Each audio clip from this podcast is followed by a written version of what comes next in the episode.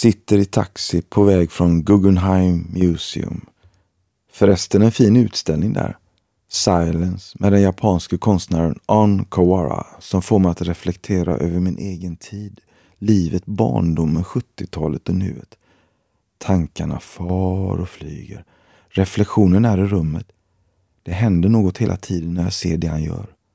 Fantastiskt och tankeväckande med datummålningar, vykortsskickande, telegram, tidningsurklipp och katalogiserande av händelser som berör. Han gav aldrig intervjuer. Konsten fick tala för sig själv.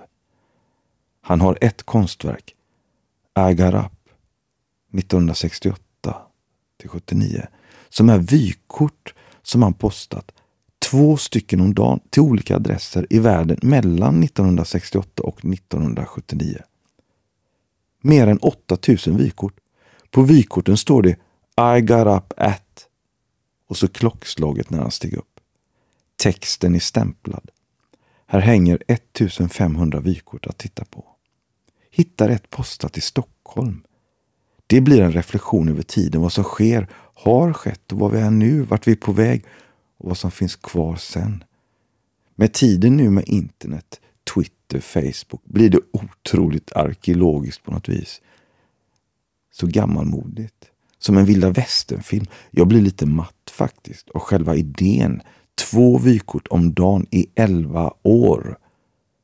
Konstverket fick ett abrupt slut som kanske tacksamt togs emot av konstnären när hans portfölj och stämpeln han använde blev stulen i Stockholm och återlämnad först flera månader senare. Sanslöst slumpmässigt stopp. Som livet självt. Saker kommer och går hela tiden. Vi kommer aldrig fram. Ankoara fortsatte med alla sina andra konstkoncept i tystnad utan förklarande kommentarer. Ur lust. Inte ur kontrollbehov, om man får tro guiden i hörlurarna. Men jag kan inte sluta att fascineras av vykorten. Han tyckte det var skoj att skicka de här vykorten. Sen slutar han så tvärt. Så är det. Ibland vet man inte när det är sista gången. Har ingen aning om någonting. Vi försöker planera allt. Livet pågår. Så är det. Mamma skickar gärna vykort. Hon är bra på det. Kommer ihåg födelsedagar, namnsdagar, jul och påskkort. Önskar att lite av hennes talang gått i arv. Själv blir det alltid sista minuten. Nästan av skuld. Innan jag åker till flygplatsen klottras en snabb hälsning ner. Tycker inte det ska vara så. Ska ändra på det. Inspirerad av Kowara. Mamma ska få två vykort.